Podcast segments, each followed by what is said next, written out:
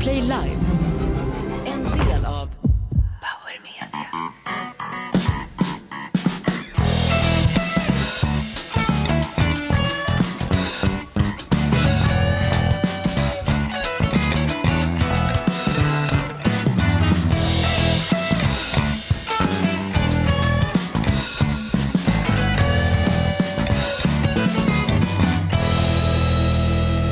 Säger som Elvis Presley på Benzoider 1977 i Hawaii. Aloha Hawaii. Men vi säger aloha inaktuellt och välkommen hit. Vi ska börja med lite dystra tongångar för när man helt nästan tappar hoppet om mänskligheten, när liksom det värsta av det värsta händer, hur långt kan mänskligheten gå neråt? Jag tänker på helgens händelser med vad tror du Linnea Bali? Jag tror att du tänker prata om eh, Navalny nu, men jag nej, nej, nej för fan. Jag menar Gunilla Perssons Ja. insats i Mello. Såklart. Vilket. De allvarliga Du satt Ja. bänkad. Jag satt bänkad och får skäll av Mikaela. Jag, varför tittar du ens på det där? Nu får man inte ens titta. Så där kände jag mig på första Tittenshowen jag var på på Reeperbahn. Många herrans år sedan. Det var i kriget och vi skulle in till SS division Nordland och vi hade fått några extra platser längst fram. Man skämdes för att man tittade. Men herregud. Och sen Kronofogden anfaller Gunilla Persson eller Godzilla Persson på hotellrummet och hi- hittar allt utom en sångröst och en artistkarriär. Jag tycker inte det är riktigt okej alltså. De har varit på, jag tycker det är lite som en kunglighet Gunilla Persson. Allt hon har gett till den svenska nöjesindustrin och ändå ska vi på henne. Ja, Ja, det är fast- elakt. Nu vill jag inte sätta vi-känsla mellan mig och Skatteverket, men när Kronis går på, när Kronofogdemyndigheten går på en och hittar, vad var det, Chanel-skor, två ringar, en klocka och en Burberry-jacka. Det känns så jävla smått. Ja, Va? det, Ja. 630 000 är hon ju skyldig. Ja men vad Det fan, vad är barnbidrag som hon har fått. Det måste vara mer värde med maljöga, hålfotsinlägg, löständer, benprotes, eh, trossbotten. Var det 630 000 som var den totala Mm, skatteskulden? men det här, jag läste att det här ni når inte upp till 630. så- Kommer ni ihåg när de misstänkte henne för att cash. hennes mamma redan skulle ha varit död när hon Ja. var levande? Nej. När de trodde att hon bara Hon poserade såg med ju sin död döda man. ut, hon bara höll upp den i håret. Det får man liksom. ändå säga att hon gjorde. Ja, hon hade ju köpt rysk te på en semesterresa i Sankt Petersburg, så kallat eh, Navalgi Lipton Selection och bjudit mamman på det. Hennes ursäkt för de här 630 000 som hon är skyldig då svenska staten, det vill säga svenska vanliga sketna jobbare, alla, säga utom alla, alla utom Davas farsa och hans svartjobbande foodtruck. Då var det, det var ju för barnbidraget till Erika vars far är hemlig och dessutom så var det Hon har skrivit på NDA med eh, Ja, pappan. Att hon inte ska nämna hans Ja. namn. Det är fan bra gjort av honom. ja, kan du tänka dig liksom, det är, det är den yttersta förnedringen. Pappa till Erika, men hon är det snyggaste vi har i Sverige. Erika Oh går faktiskt under titeln, hon pluggar ju nu och vill inte ha att göra med sin mamma på scen. Däremot satt hon i publiken då i Mello. Mm. Eh, Jag trodde hon skulle vara med. Ja, Det är hon som var sångfågeln i familjen. Ja. Eller? eh, pappan, eh, nej men Erika vill inte vara med, hon kallar sig själv numera för aktivist. Jävla härlig titel att vara aktivist. Men kring vad då? Bara aktivist? Nej, jag har ingen aning. Allmänt, hon bara Aktivist. går runt och är aktivist. Ja. Som Greta Thunberg eh, gör hoppsasteg så här, lite Aspergers på väg ut från en rättssal i, i England där man är friad från miljöbrott. Bara sådär. Jag tycker det har blivit så kreativt med alla såna här titlar man har. Det är samma sak som i Love is blind när man fick nämna själv vad man jobbade som. Och Sergio då från Love is blind, fotbollsspelare och DJ. Just det, det är just en det. jävla kombo. Och på tal om titel här, vi har Trine från Norge i chatten här. Dava Prettyboy frågar Jonas om han savnar mig från Trine. Men Vem var Trine nu igen? Med Trine. Vem är hon? Vi Vem bara är... tar det lite fort här. Ja, vem är Kicka igång liven med lite Trine så att säga. Ja, vem är Trine? Det är fan- intressant. En fantastisk härlig tjej som jag träffade i London en kort weekend och det uppstod en fantastisk romans. Jag drack champagne ur hennes skor som Sara Leander en gång sjöng. Mhm. Nej inte riktigt, hon hade ju vanliga gympadojor. Eh, Nej men tri, det var Trine, Hon är ändå i vad- Du chatten drack nu. ingen champagne från några skor, du drog koks från en svanktatuering. Ja, du precis. Eh, nej men eh, tri, det var så roligt, Trine var ju ru, rundhylt. Jag tycker ju om, Tjock. Jag tycker om stora tjejer. Tjock och mina Men säg inte så, Mikaela lyssnar ändå på det här, hon är inte tjock. Men jag tycker inte om Mikaela. eh, nej men eh, tri, Trine var ju rundhylt och det tog inte många sekunder när jag kom ner till baren på hotellet där på, eh, Queensway in- innan hon blev omdöpt till Tryne. Ja, det var det där ja. Det är en gammal flickvän till mig och hon bytte ju namn sen och kallade sig för Gro Harlem Brundtland och blev faktiskt statsminister i Norge. nu, börjar, nu börjar vårt svar på Jonna Simas sucka. Linnea Bali, välkommen hit. Tack så mycket, framförallt så har du lyckats eh, förnedra alla tjejer som lyssnar på den här podden Varför nu då? Jonas, på Ja. de första två sekunderna. Vad har jag gjort? Nu, sluta sitta och säga, säga att folk är tjocka om de inte är de tjock. Nej men alltså, eh, hon är tjock. Ja, okej. ja men då är hon tjock. Berätta du vad, vad du sa om din dotter var på Junibacken, den här fantastiska turistfällan. Det kostar 240 spänn för att stå i en lång jävla kö och trängas med ryska Astrid Lindgren-fans. Ja, man dels- får, var det där på en helg? Ja, Men det för var fan, det här fruktansvärt. är unga föräldrar, På amatörer. Ja. amatörer. Ja. Junibacken, alltså Astrid Lindgrens värld, miniversionen med dubbelt så mycket i entrén som ligger på Djurgården i Stockholm. Kan de inte göra ett stort jävla ocean av allting? det? 2000 spänn betalade jag. Alltså för eh, nej, hela nej, liksom, nej, upplevelsen. nej, Vi käkade lunch och sånt där. 2000 spänn betalade jag. Oh my lord. Och dessutom skulle vi in, alltså jag kände så här, det var värt det för jag är sjuk som man kanske alla hör. Eh, men, eh, och jag tänkte att jag behövde ta igen från corona och smitta så många som möjligt. Eh, så jag gick till, så jag körde Junibacken. Eh, och då så den här bokaffären som de har där. ja, det är smart. Ja, eh, det är smart. Men jag älskar den också för de tar inte så här överpriser för saker och ting. Jag köpte ett så här Pippi-memo till min yngsta dotter för 189 spänn. Det är liksom, det, är inte, det, det skulle jag köpt på Lekia också. Men det är samma pris. nu, det är alltså ett, ett memory-spel med ett kort. Mm. Men däremot, så min, in, mina andra döttrar som är åtta år, de skulle få välja varsin bok. En av mina döttrar springer till hbtqi-hyllan direkt, det är okej. bra. Ja, jag lyfter inga ögonbryn, det är okej. Hon har också flickvän. Så Nej men är, stoppa ber- vänta, har de en hbtqi-hylla i, ett, i en barnbokhandel? Ja, blir du rädd nu? Ja, men nästa steg är att de har transvestiter som läser sagor för barn på bibliotek. Tänk om det skulle hända. Nej. Ja, här har de, här har de Pippi som Nej, men läser varför sagor. har de hbtqi för barn? Ja, nej, men det, det, mammornas och pappornas bebisresa var det min dotter valde ut. Mhm. Alltså, två, alltså först en bok där två tjejer då ska få barn och sen så en bok där två killar ska få barn. Mm. Och det är hon väldigt intresserad av. Hon har också berättat för mig att mamma om du inte vill ha fler barn så är det bara att stoppa upp ett ankare så blir det inga fler barn. Så att, eh, hon, är Alltså, väldigt, hon är väldigt medveten om det här barnet. Kallar hon Hanif för ankare?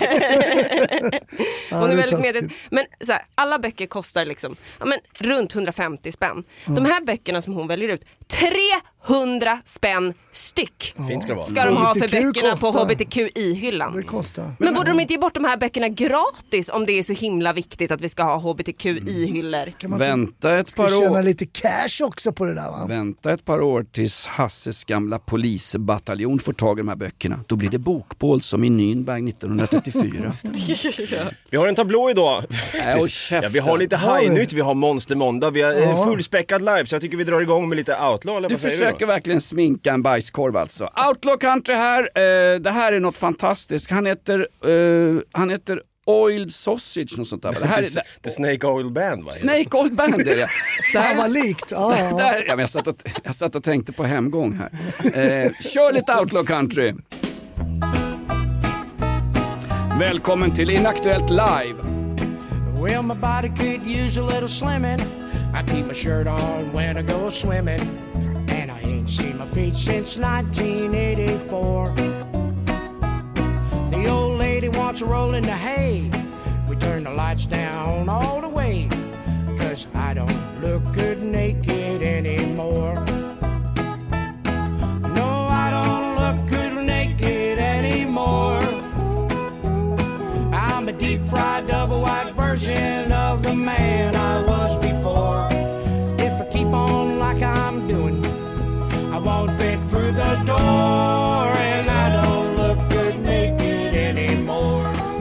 Tjock kille. Med risk för att låta som Jonna Sima sådär lite härligt obildad och kastar ur sig åsikter lite hur som helst. Jag for, förstår fortfarande inte varför det finns en hbtqi-bokhandel på Junibackens Nu barnbokhandel. överdriver du. Bokhandel, det är en hylla. En hylla. Det är tio böcker kanske. Okej, Ja. okej. Nu har det blivit dags för en ny fråga. Just jag ska passa på att säga då, om man tyckte den här låten var bra kanske man tyckte så här, jävlar den där vill jag höra igen. Då finns det ju musik från Inaktuellt på Spotify, vår Ja. egna officiella spellista som jag även lägger i avsnittsbeskrivningarna här på avsnitten. Kommer ni ihåg det? Helt underbart. Och tyckte man inte låten var bra behöver man inte söka upp oss på Spotify. Den är bra. Tänk... Daniel Ek förresten, han eh, Spotify-chefen. Eh, han skulle ju sparka en massa folk nu och då sa ju just tidigare nämnda Jonna Sima i Aftonbladet Daniel Ek måste veta att i samhällskontraktet ingår också att alla som bidrar och eh, alla som, att alla som, vad fan skrev hon? Hjälp mig här, hjälp mig för fan. Nej men att alla som bor i Sverige ska bidra med Ja, att jobba och, till och mö- i, betala möjligaste, skatt. Va? I möjligaste mån ska alla som bor i Sverige hjälpa till med att bidra med skatt och att eh, sk- skapa sin egen försörjning. Det säger Jonna Sima om Spotifys VD Daniel Annars Ek. blir det ingen välfärd. Nej, annars blir det fan ingen välfärd. Tänk om hon sa det om 600 000 utrikesfödda arbetslösa som nu ska då tvingas flytta enligt samma Aftonblad för att få ett jobb i den här välfärdscirkusen. Är det någon som vet var jag är på väg någonstans? Nej. Nej, okej. Att alla ska bidra. Ja men nå- någonstans... Äh, skitsamma. Jag, jag tänker att vi börjar lite lätt här på mejlen, men jag har Jag bulten här. försökte börja lätt men gick åt helvete. Vad kommer ni passa på att göra innan det förbjuds? Bränna en koran eller förneka förintelsen? Båda. Just. Ja, just det. La, det ska bli lagstiftning om att förneka förintelsen. Bränna Ja, förintelsen, det känns ju dumt. Det är som i, I Tyskland är det ju redan Ja, förbjudet. det är Men- förbjudet i Tyskland. men det De kan man ju köpa. sånt. Ja, det var ju deras dåliga samvete såklart därefter. Men eh, det kan de ha, tyskarna tycker jag. tänk på att jag är halvtysk va? Ja, jo, Det var men... exakt det vi tänkte på. Ja, det var så. Mm. Nej, men alltså, man kan väl inte förbjuda ett statement om Nej, man någonting? kan inte förbjuda folk att vara korkade tycker jag. Och Det ska vara tillåtet att, eh, att vara det helt enkelt och komma med, med dumma grejer. Ja, framförallt så försvann väl alla argument emot att inte förbjuda koranbränning. Det försvann ju ut genom fönstret när samma regering föreslår att man ska förbjuda att förneka förintelsen. Men, men, Förneka förintelsen är ju bara en saying, att bränna koran är i alla fall en aktiv handling. en Ja, aktiv- det är väl mer hotfullt egentligen att bränna en koran än att förneka, Förneka alltså, att förneka förintelsen. är ju inte ett hot mot någon. Va? Har vi bara- ens någon som förnekar förintelsen? Så, ja, måste det vara- kanske vi har. Ett par, ett tiotal. Nej, Vera Oredsson, min gamla flickvän, 96 år, still going strong. Sök upp Vera Oredsson. Men förnekar hon förintelsen? Eller bara tycker hon att den är bra? Att den är överdriven säger hon va? Ja okej. Mm. Hennes men alltså, barnbarn gör hakkors i pärlplattor på förskolan till henne. Har ni Ja. sett det? Exakt. Det tänkte de ta in faktiskt på eh, Junibacken och ha en speciell hylla. eh, grejen är, vad säger du att eh, eh, det, tar bort, det tar bort argumentet för att bränna en koran? Vad fan är en koran? Om jag köper en bok med sidor och jag eldar upp den, det är väl fan upp till mig? Ja, jag håller helt med. Jag tycker man Ja, ska få det håller bränna också. koraner men jag tycker också att man ska få förneka förintelsen om man vill det. Man kan, båda två är lika dumma i huvudet men jag tycker fortfarande att det ska vara lagligt. Mm, ja, men jag håller med. Det håller jag med om. Okej. Nu har det blivit dags för en ny fråga. Lite allvar här igen då. Av- Oj, allvar. Avdivka föll i lördags, alltså staden i Ukraina där Ja, början på slutet eller slutet på början. Det här är faktiskt Vladimir Putin som undrar det. Nej men det var ju en eh, viktig ukrainsk, ett ukrainskt fäste som föll Mm. och omringad av ryssar och bla bla bla. Eller ryssar och ryssar, det är ju bönder från Ural utan framtänder som går till anfall oftast. De har ju slut på artilleriammunition Ja, Ukraina, det är väl det som är hela grejen. Det är så kul också när, när NATO, om Trump vinner presidentvalet i USA, då stoppar han liksom vapenleveranserna till Ukraina och NATO gungar i sina grundvalar. Stoltenberg går ut och säger att nu må alla betala 2% av sin försvarsbudget i respektive nation, annars är NATO ett minne blott. Du ska se att precis när Sverige kom med i NATO, någon jävla mutat ner den där jävla, Ja. den där jävla kulakbonden Orban, precis då så är NATO helt verkningslöst. Ja. För nu vädjar NATO till sina medlemsstater, snälla kan ni lägga 2% i er försvarsbudget varje nation så att NATO kan få fortsätta. Det kommer de på precis nu, när stora feta USA då med en Ja men eventuell Trump Trump... you, you, can do, uh, you can do whatever you, you want, we won't help you liksom. Mm. Men det, det ligger ju någonting i det, alltså det finns ju, eh, you, pay your bills eller någonting sa ju Trump, alltså det ligger någonting i det. Jag menar, man har ju kommit överens om att lägga 2% Ja. eh, Ja. och om man inte pröjsar, vad fan ska man tro? Det är så är Jag det. tror bara att det är Tyskland och Storbritannien av NATO-länderna som har gjort det. Jag vet inte fan om Turkiet som sitter med Europas största armé sett till antal manskap, obs krigshistorisk referens, eh, inte, inte lägger 2% till i, i försvarsbudget. Nej, jag har ingen- jag har ingen Nu kommer lista det, på vilka som Nu kommer det ändras. Eh, nej men den listan finns, det är en speciell hylla på Junibacken den här, allt det här står. Det är så jävla anpassat för barn. Det här måste barn få reda på nämligen. Men ska inte Saab in och rädda Ukraina nu? De skickar drönare för att testas i Ukraina. Är det inte så? Ja, Saab håller på att utveckla någon form av drönare som de nu ska skicka till Ukraina för att de ska få pröva dem i fält. Inte ett jävla ord till det om Göran Greider som vill stoppa all svensk vapenexport. Han tycker att vi ska tillsammans med Svenska Freds åka till Ryssland, få lite te av eh, eh, Putin och eh, förhandla om fred. Det går alltid att förhandla säger Göran Greider. Nej men det är sant, svenska drönare. Det, var, det var därför Macron var i Sverige.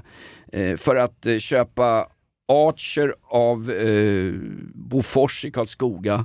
Och, Archer är ju, de, de finns ju i Ukraina nu. Det ska ju vara ja, för fan. en av världens Jag bästa gill- artillerisystem. Jag gillar inte den här amerikaniseringen av Sverige där vi liksom ska ha gubbar som blir aktualiserade. Det är Göran Greider är ju för fan överallt nu. Så n- när blev han aktuell? Vad är han aktuell Han är med? Varför har han en aktuell. röst överhuvudtaget? Varför har, aktuell. varför har Gunilla Persson ingen röst och ändå med i Mello? Det här är ett betalt samarbete med Villa Fönster. Du behöver lite mer tryck nu Jonas. Tryck! Villa Fönstersnack med Linnea Bali. Villa, villa, fönster, fönster, fönster med Bali, Bali, Bali. Jonas, nu tänker jag lära dig lite om Villa Fönster. Lär mig baby. Villa Fönster är en rikstäckande leverantör av fönster och dörrar till dig som konsument och byggföretag. Och vet du vad Jonas? Vadå? Jag har en spaning. Ja. Det som gör dem så unika är att de har Sveriges bästa leveranstid. Ja, det går undan har jag hört va? Ja, det gör det. För man tänker kanske som konsument att så här, åh nej, det här kommer ta så lång tid. Men inom tre veckor alltså så har du ett svenskt nyproducerat fönster som är redo för omgående avhämtning eller leverans. Oj, oj, oj, inom tre veckor. Är det inte så också, jag har hört ryktena, de har Sveriges största fönsterlager va? Ja, med 500 olika varianter av fönster. Och eftersom de allra flesta av oss vill ha olika storlekar på fönster så kan Villa Fönster dessutom göra anpassningar såsom spröjs, spaltventil med mera. Oj, oj, oj Linnea, du övertygar här. Du vet inte vad en persedel är för någonting, men spröjs och spaltventiler. Här har jag nästan läst på universitetet om det här. Ja, och är det någon som har koll så är det Villa Fönster. Historisk referens här. Har du? Ja, alltid. Ända sedan 2008 så har Villa Fönster alltid haft visionen att erbjuda kvalitetsprodukter till rätt pris och kortast möjliga leveranstid. Ja, jag är nöjd Men vadå? med vårt Villa Fönstersnack. Villa Fönstersnack med Linnea Bali. Villa, villa, fönster, fönster, fönster med Bali, Bali, Bali. Tack Villa Fönster. Ett poddtips från Podplay. I fallen jag aldrig glömmer djupdyker Hasse Aro i arbetet bakom några av Sveriges mest uppseendeväckande brottsutredningar. Går vi in med hemlig telefonavlyssning och, och då upplever vi att vi får en total förändring av hans beteende. Vad är det som händer nu? Vem är det som läcker? Och så säger han att jag är kriminell, jag har varit kriminell i hela mitt liv men att mörda ett barn, där går min gräns. Nya säsongen av Fallen jag aldrig glömmer på Podplay.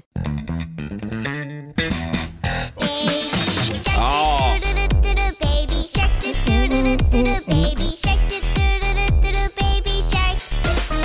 ska bara säga lite fort här, Micke P vill bara meddela att jag börjat se Farmen säsong 1 endast för att förstå Jonas, Farmen, Kristinas referenser. Mår illa men vill samtidigt fortsätta titta. Tack Micke P. Gör det. Jag vill inte se Farmen, jag föredrar faktiskt den spanska versionen om den här vackra kvinnan som kunde suga en golfboll genom en trädgårdsslang. Den heter Carmen. Sen har ju Gardell en såpa som heter Tarmen som är på gång. Va? Ja, härligt. Men lite hajnytt då. Eh, nu är det ju så att Hajen eh, sitter ju som politisk vilde. Det är ju sossarnas första politiska vilde som de har i riksdagen. Full förhandling med nyans. Ja, Nej, precis. för Jo, fan. jo, då, jo då. Men han har sagt det. Han har blivit intervjuad nu. Han eh, har ju sagt att han inte ska gå med i Nyans. Eh, Men han var ju igång direkt, var ju på en Palestina-demonstration och där gick det ju bra. Nu snackar han loss där va. Palestina-demonstration, vi säger kort och gott en Hamas-demonstration.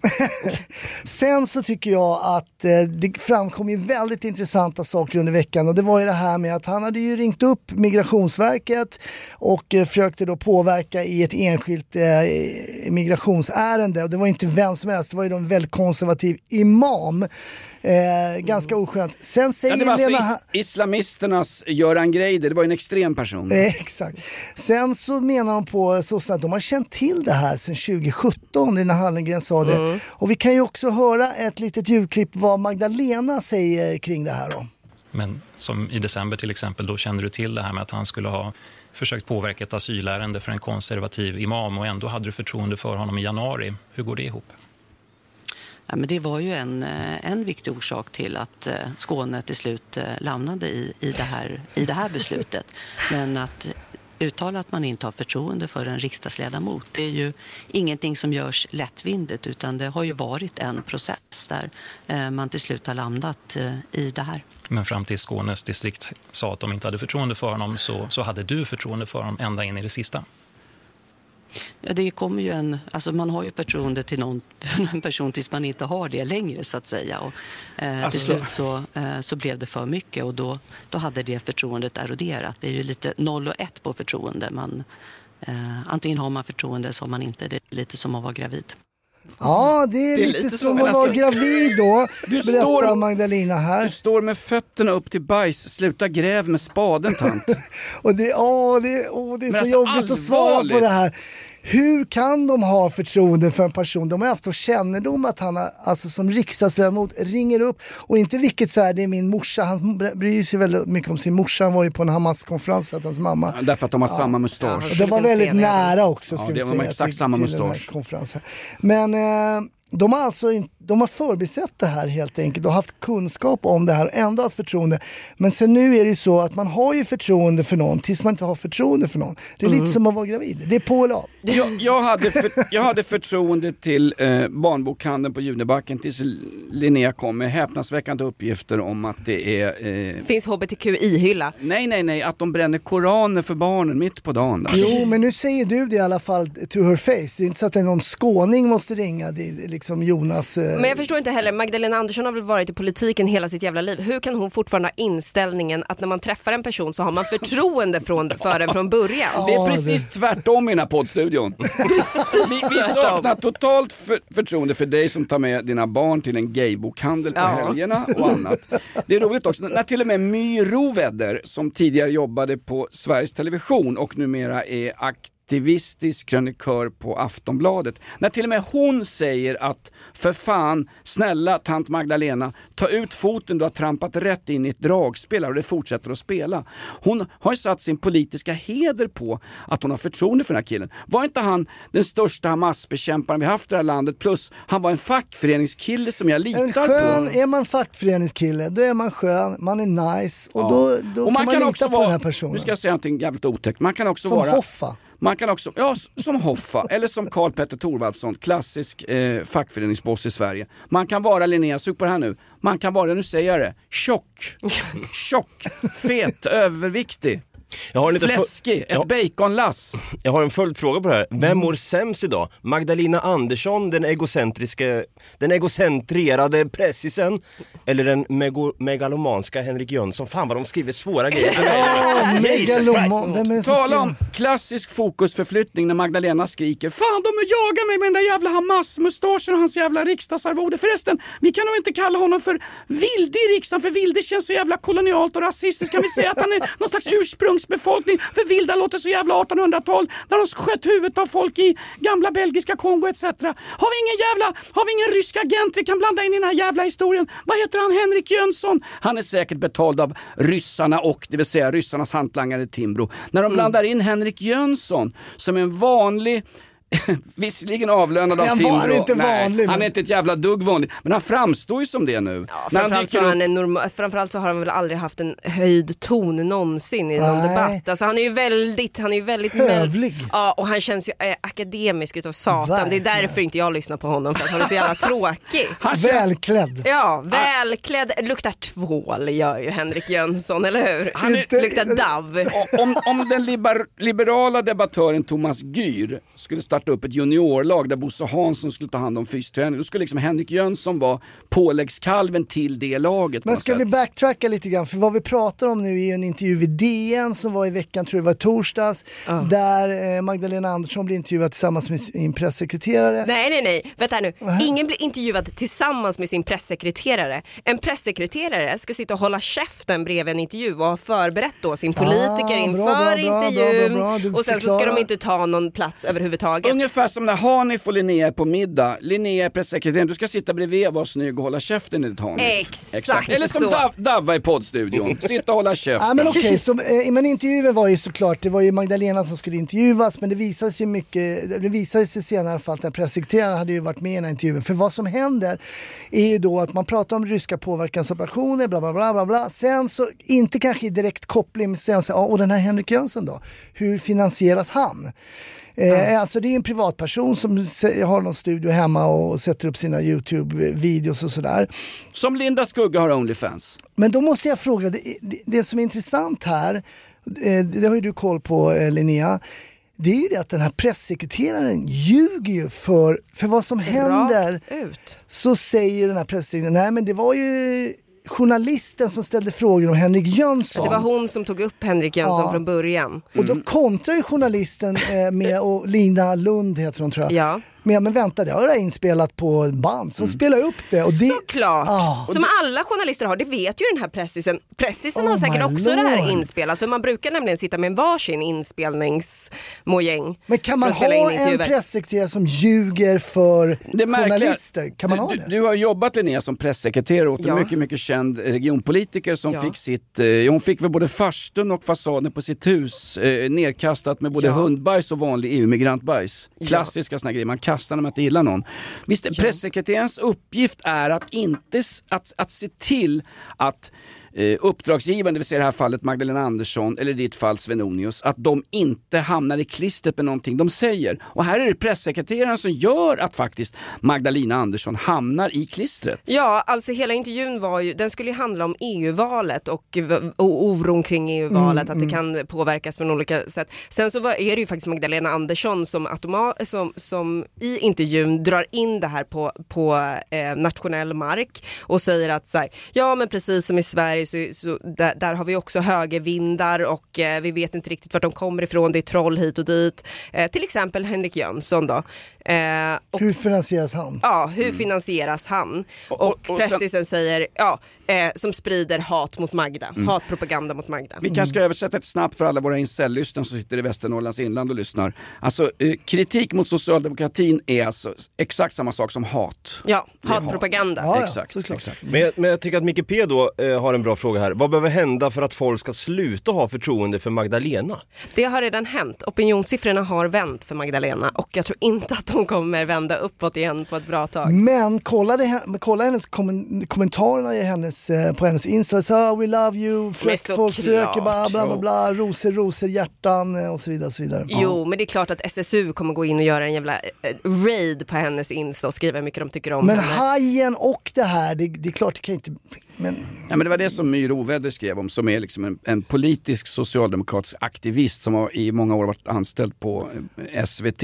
Har ju bytt nu till eh, Aftonbladet och kan, vara mer, kan vara mer öppen med det. Hon har ju sagt att det här är ju det är PR-mässiga, riktiga jävla klavertramp. Varför tog hon upp Henrik Jönsson? Syftet var väl en fokusförflyttning, möjligen från hajen Hamas. ja, eller det hur? kan man ju tänka kanske. Och det gick ju precis tvärtom. Alltså, det är som man, när man går på en, på, en, på en swingersfest, kanske uppe i Åkersberga, jag har aldrig varit uppe där ni kör swingers i Åkers, Östersjö, men man, man ska anfalla någon, liksom, man kanske ska gå i gryt på någon tant som, har, som ser bra ut, kanske är tjock eller vad som helst, och så upptäcker man att man får någonting i röven istället. Liksom. Jag tänker att det här också måste ha varit en väldigt lång intervju där de har liksom har hittat ett litet, Skön- eh, en liten skönt tugg. Skön. Och då känner pressisen att hon kan ju lägga in lite, lite citat här och där. Hon tänker inte på att hon kan, vilket är helt sjukt för en pa- partiledarkandidat. Jag hade aldrig sagt ett ord under en intervju om det hade varit jag som hade varit hennes pressekreterare. Jag hade gjort för man så- vet att man kan bli citerad. Ja, jag har gjort som El Hamas. Jag hade vägrat ta intervjuer i flera veckor eh, när man ändå sitter som eh, avlönad av svenska skattepengar, riksdagsledamot och vägrar hoppa av. Sen däremot hade jag börjat ta intervjuer när det hamnar om ett ämne som jag vill prata om, till exempel eh, Palestina-demonstrationer. För där dök ju El Hamas upp i i intervjuer. Där han sa att det var ungefär som, det var som han Lula da Silva har sagt också, att man kan jämföra det Israel gör nu i Gaza kan man jämföra med förintelsen. Alltså det är ju jävligt långt gånget alltså. Finns det någon hylla om det här på Junibacken? Så Netanyahu sa, du pissar på, på, på arvet av 6 miljoner döda judar under andra världskriget. Obs! Krigshistorisk referens. Ja, fast eh, ja, ja, men alltså okej, ja.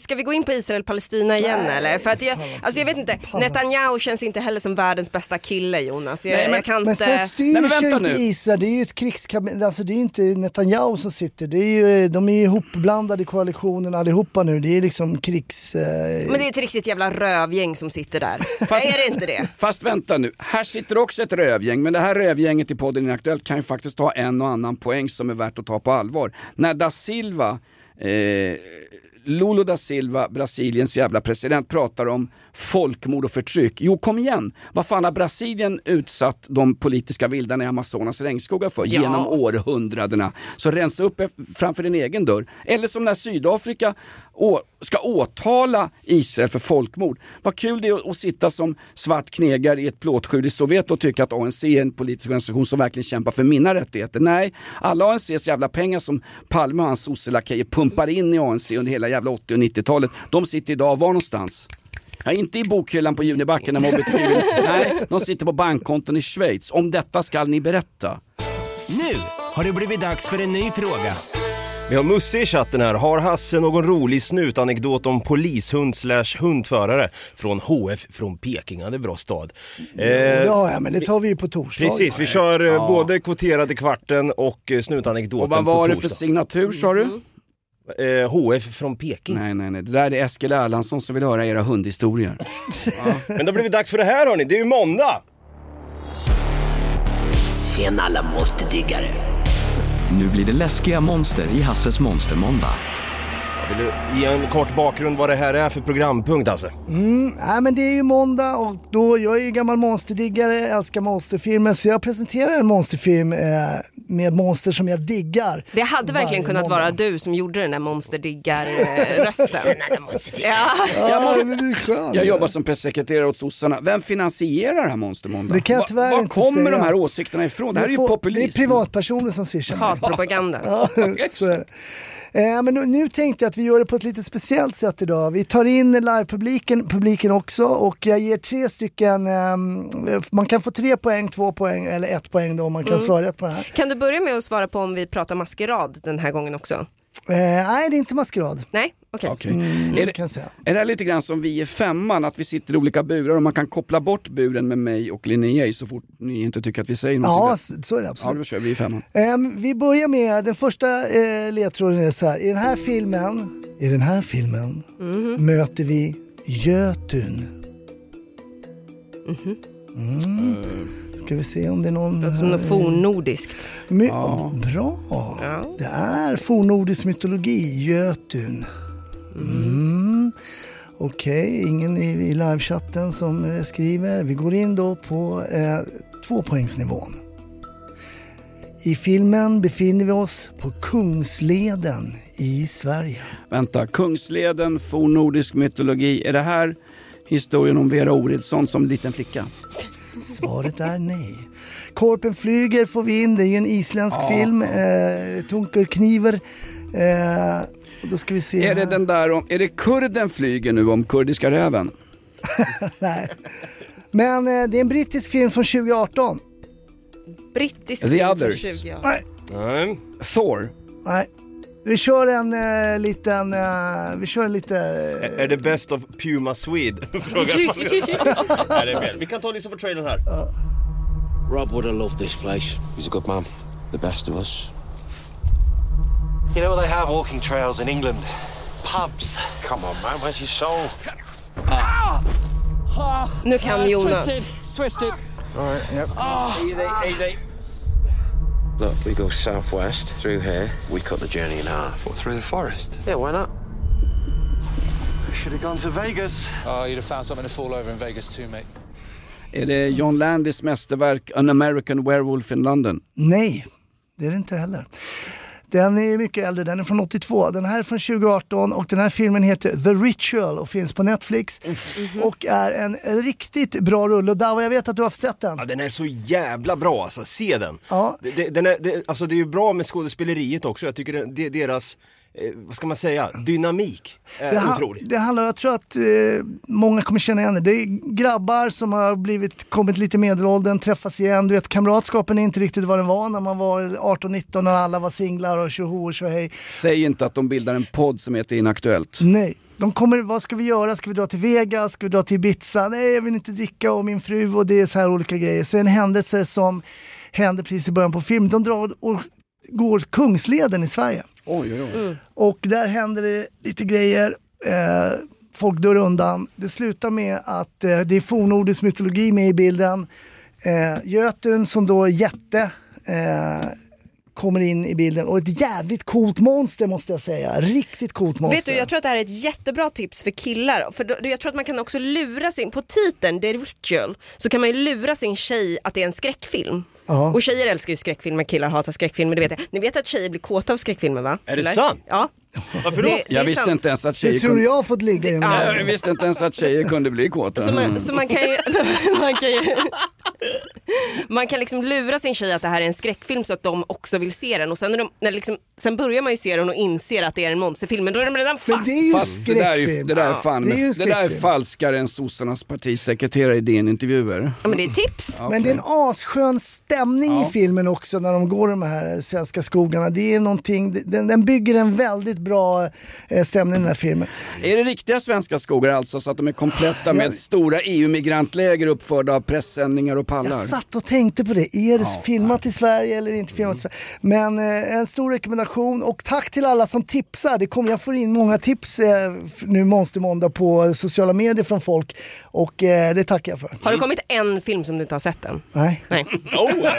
Nu har det blivit dags för en ny fråga. På tal om monster här, vad var värst i helgen egentligen? Godzilla Perssons låt eller mordet på Navalny? Alltså om vi får jämföra här, vad, vad är värst? Mordet på Navalny hade man väl redan sörjt för typ tio år sedan. Han var väl uträknad sedan länge. Ja, och det märkliga är så här, varför åker han tillbaks till Ryssland för att... Det var otroligt. Han satt ju i exil i Tyskland och så blev han hembjuden på någon jävla teparty Mm. eh, och han tänkte det kan ju fan inte bli värre än Gunilla Perssons mellobidrag. Så han åker dit, hamnar i ett fångläger bortom Uralbergen och sen dör han då och dödsorsaken var plötslig död säger ryska Mm. myndigheter. Sen säger ryska advokater som fortfarande vågar säga någonting, de som inte har gått i exil, de säger plötslig död är för fan ingen, ingen dödsorsak. Nej. Nu vill vi ha kroppen, det finns ingen kropp. Mors, hans Jo, mors... de har hittat kroppen nu. Nu har han bårhus. gjort det ja. Och då är den blåslagen. Eh, Ja, men de tror att det är från kompressioner. Eh, att den är blåslagen. Att, alltså att de har försökt eh, För jag trodde rädda att- livet på honom. Ja, för jag trodde att först att det var ett, ett gammalt foto, ett skolfoto på Edvard Blom, men det ser ju ännu jävligare ut alltså. Ja. Men jag tror, jag tror, hade inte han en hungerstrejk också? Han hade varit dålig länge. Och så hade han suttit i hungerstrejk och sånt där. Det hade kommit nyheter om att han var dålig från... Ja, så det, jag, jag tror inte, jag tror egentligen inte, alltså det är ju ryssen som har dödat honom såklart, men, men jag tror att han har hjälpt till lite själv också. Han, ha- han hade ju någon sån form av martyrbild över sig själv tror jag. Hans- Jag tror att han är jävligt nöjd med att vara död, om han hade kunnat vara nöjd med att vara död. Det var ju som att åka tillbaks mot sin egen död när han åkte tillbaks. nå- någon- Ja, han var ju självmordsbenägen på något sätt, den där killen. Någon sa det att ryssar har, har av hävd alltid följt en enda ledare, så en motståndskamp måste ledas av en person, vare sig det är då Rasputin med Mm. 50 centimeter lång jävla... Men det var eh, väl ingen som tyckte om Navalny? Nej men sluta nu. Ja, men det var, det var väl inte det? Nej okej. Han hade väl, han hade väl flörtat med både liksom vänsterut och högerut i alla liksom extremer. Kanske. Jag har dålig koll. Jag har dålig koll Koppla bort mig från eh, hennes VFM-anbud. Jag kan bara säga, eh, Navalny hade... Han har i princip stått han och hade- heilat på demonstrationer. Han hade lyckats med konststycket att ena olika grupperingar i Ryssland som, som är då anti-Putin och antikorruption.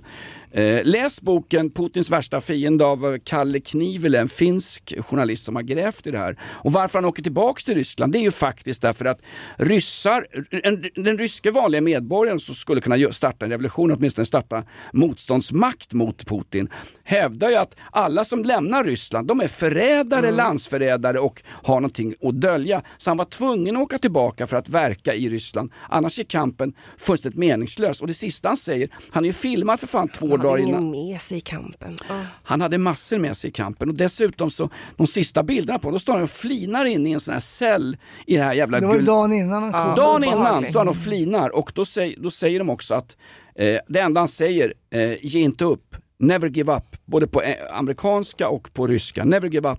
Kampen måste få fortsätta, men oppositionen är för fan raderad. Ja, men det finns ju ingen.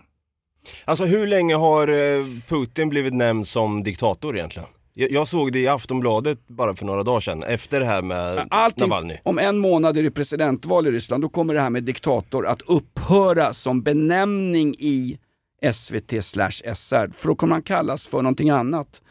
Eh, då, för då är det ju presidentvalskampanj enligt dem i Ryssland, vilket det absolut inte är. Du får ju inte ställa upp som motkandidat. Men vadå, han är bra på att vinna val, som Mugabe. Alltså, han Eller Hamas. Eller Magdalena Andersson. Ja. Tills förra året. Ett poddtips från Podplay.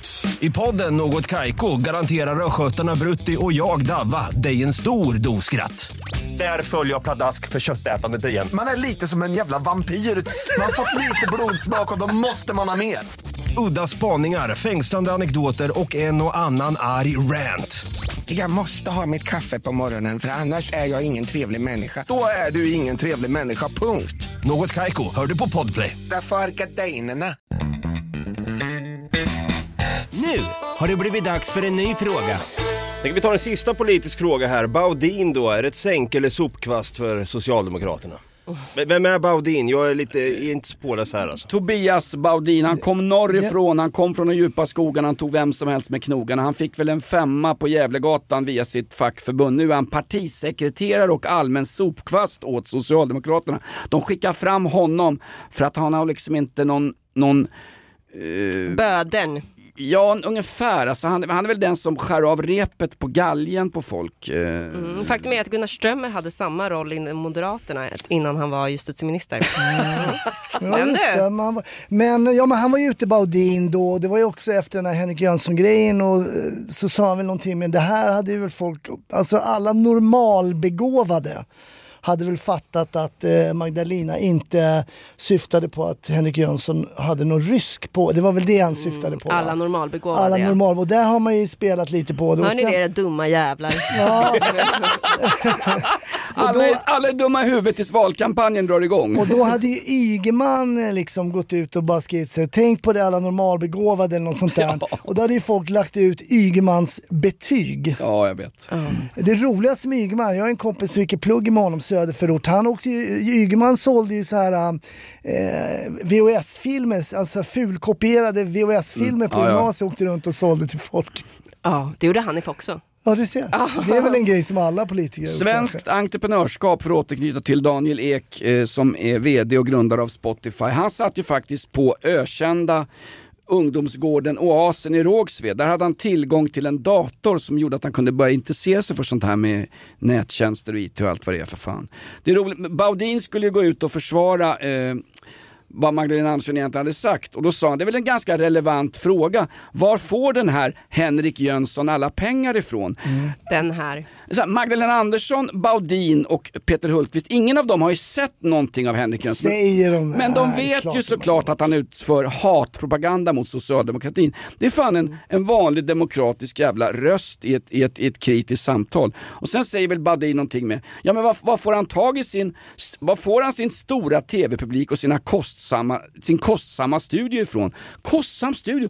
Karljäveln sitter i, i stort sett på ett utedass och sänder sina politiska reflektioner. Sen Kör blev- lite green screen och sådär, man ja, kan göra exakt. mycket grejer. Och sen blev han väl inbjuden till det här med Daniel Suonen fick ju en lucka i tv-tablån för SVT. Det var ju för att Alice Teodorescu Måwe fick eh, rök där. Just det, för de kunde inte ha partipolitiskt bundna personer i SVT som programledare. Men Daniel Suonen, han är för fan mer bunden till socialdemokratin för fan än vad jag är bunden uppe på korset hos Dicke Berta på den där Ja, BDSM-klubben. tankesmedja. Jo men för fan, vem betalar det? Vem finansierar det tror du? Jaha, det, Ja. nu undrar du vad det.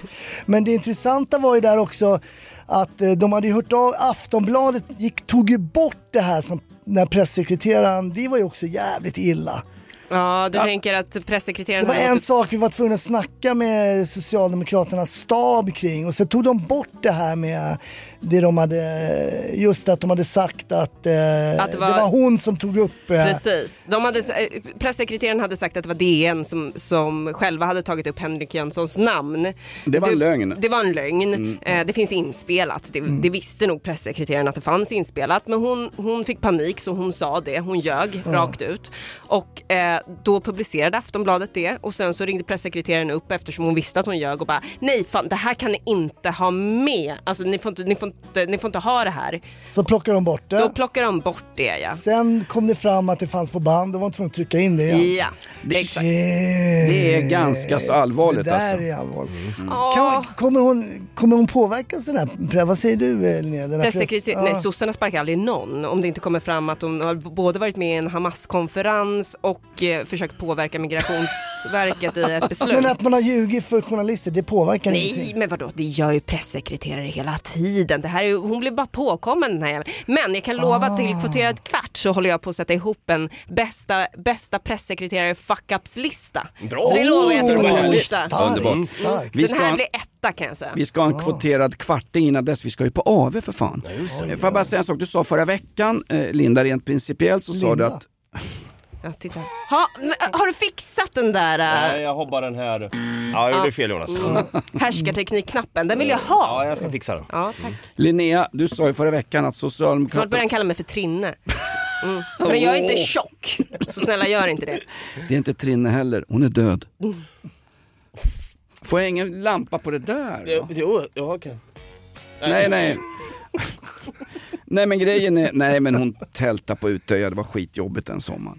Eh, så här var det också, du sa ju att Socialdemokraterna aldrig kastar sina medarbetare under bussen, vilket någonting, men jag tycker också att det kan man faktiskt hedra dem för, att de inte gör det. Här åker ju Hamas ut som de säger, att det är den första politiska vilden, förlåt mig, den första politiska urinvånaren som sossarna haft. Men faktum är, hade inte de på 90-talet nå- några som drog sig ur och kallades någonting för Socialistiska partiet? Socialdemokraterna har visst haft politiska vildar, även om de har en stenhård partipiska ända sedan eh, kulspruteelden föll i Ådalen 1931. Så alla verkar inte sätta partiet först nu längre. Nej exakt. lite. De verkar fan inte ens sätta väljarna först. Nu körde väl SSU i en SD-politik, eller hur? Ja, alltså Socialdemokraterna är väl, de- har väl sagt högt, framförallt inför EU-valet, att Sverigedemokraterna är där de ska plocka väljare. Jan Emanuel till exempel, han sa ju att eh, SD har ingen egen politik. De sköter, de sköter gammal socialdemokratisk politik med retorik om folkhemmet och att alla ska göra sin plikt före man kräver sin rätt, bla bla bla. Och då undrar jag, vem, vem finansierar Jan Emanuel och den här typen Det av är människor? Socialdemokraterna. Som, åk, som åker runt i en kostsam Lamborghini. Det är välfärden som han har parasiterat på genom att öppna massa jävla hem för hopplösa skitungar och fakturera 6000 spänn per dygn. Jan Emanuel fick också gå i Expressen TV och lämna över rosor till Henrik Jönsson, bad om ursäkt för sitt parti och sin partiledare. Oh, Men på om- partiets vägnar så att säga. Och partiets vägnar. Oj, oj, oj. Herregud, jag skulle önska jag fick en köttros. Det blir mycket sosseklipp idag i dagens live Ja, faktiskt. Ja, men jag får bara ta och backa på den jag sa. Jag, ref, jag refererade till den gamla frågesporten i tv, Vi i femman. Den heter inte det längre. Nu är Mark Levengood eh, programledare och nu kallas den för Vi i tvåan. Vi har Jan Emanuel i chatten Nej, här. Kasta, nej! kasta inte skit skriver han. Nej det gör vi inte. Nu lugnar vi ner oss han var, ju, här. han var ju så förlåt. Ja, det var bra där. Vi har också en sista fråga här. Jan Emanuel vill jag se köra en duett med Gunilla Persson i Mellof- mellofinalen under rubriken Sista chansen. Mm. Jakob frågar också, på måndag är det årsdagen för freden i Roskilde 1658, det har du koll på Jonas. Men hur ska Linnea Bali fira det egentligen? ja. ja, vi får väl se. Samarbeten på det Jonas, jag ställer dig mot väggen nu även fast du kanske inte har några. Freden i Roskilde 1658. Nu med french fries i ett eget mål.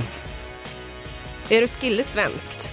Nej men fan nu får Var det Nej, nej, nej, nej, skitsamma, vi går in på lite Je- Jesse Jag hade ju en här för Ja, fan. Okej, vi kör den. Satans järnvägar, SJ. Vi håller tidtabellerna sämre än Ukraina. Det är danskt Roskilde va? Podden Inaktuellt presenteras av Svenskt Näringsliv, Gör som Henrik Jönsson och tusentals andra. Kom och jobba för oss. Var det Och- svenskt 1658? Alltså, Sverige... Stäng av musiken. här. Sverige och Danmark befinner sig i krig och fred, freden sluts 1658. Det är då Danmark blir en självständig stat men Sverige får behålla Schleswig-Holstein och Gottorp. Men inte Roskilde. Dessutom, Roskilde ligger i det som då blev Danmark, det som vi idag kallar konungariket Danmark. Danmark har sedan anspråk på Norge och Norge och Danmark bildar en union som krigar mot Sverige. Eh, nu glömde jag en sak, en jätteviktig sak. Eh, Förpommern är också svensk fram till 1658, freden och Har vi någon kvar i chatten? Alla har lämnat chatten. Ja, det var alla. det, var Ja. fan, det var inte jag som började, det var för fan Eskil Erlandsson som låg med en labrador. Jag tänker att vi ska gå ut på lite Jesse Cullen Young, en riktigt härlig herre som har hållit igång ända sedan 60-talet med sin grupp Mm. Youngbloods. Har du hör, hört det Jonas? Underbart. Dava, när ska du göra debut som ståuppkomiker? Därför att, vet du vad? Jag har ett vittne som igår satt på Big Ben på Södermalm och såg dig tillsammans med våran kompis Erik som för första gången gick upp på en ståuppscen. Och man hörde kraftiga burop från Hasse Brontén bak i salongen som skrek Ska det ta jobben från oss äldre va? när går du upp på en ståuppscen Dava? Jesse Cullen Young alltså, tack så mycket för en live-måndag, härligt!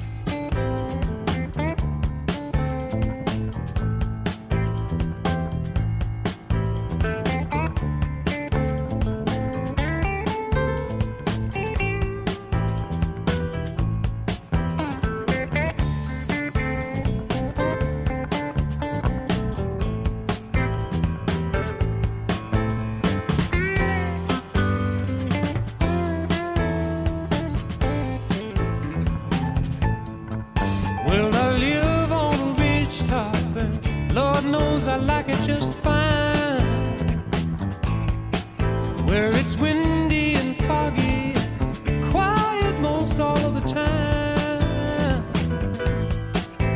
My lawn is pine needles, and my driveway is old funky dirt.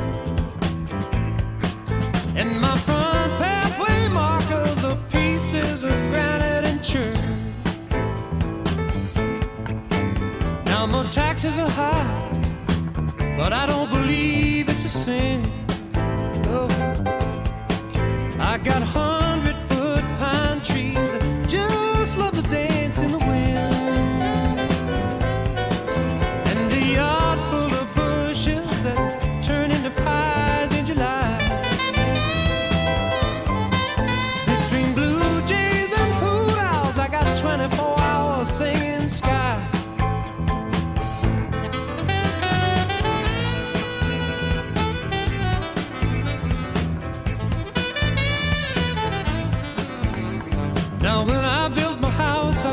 six trees to clear out the land.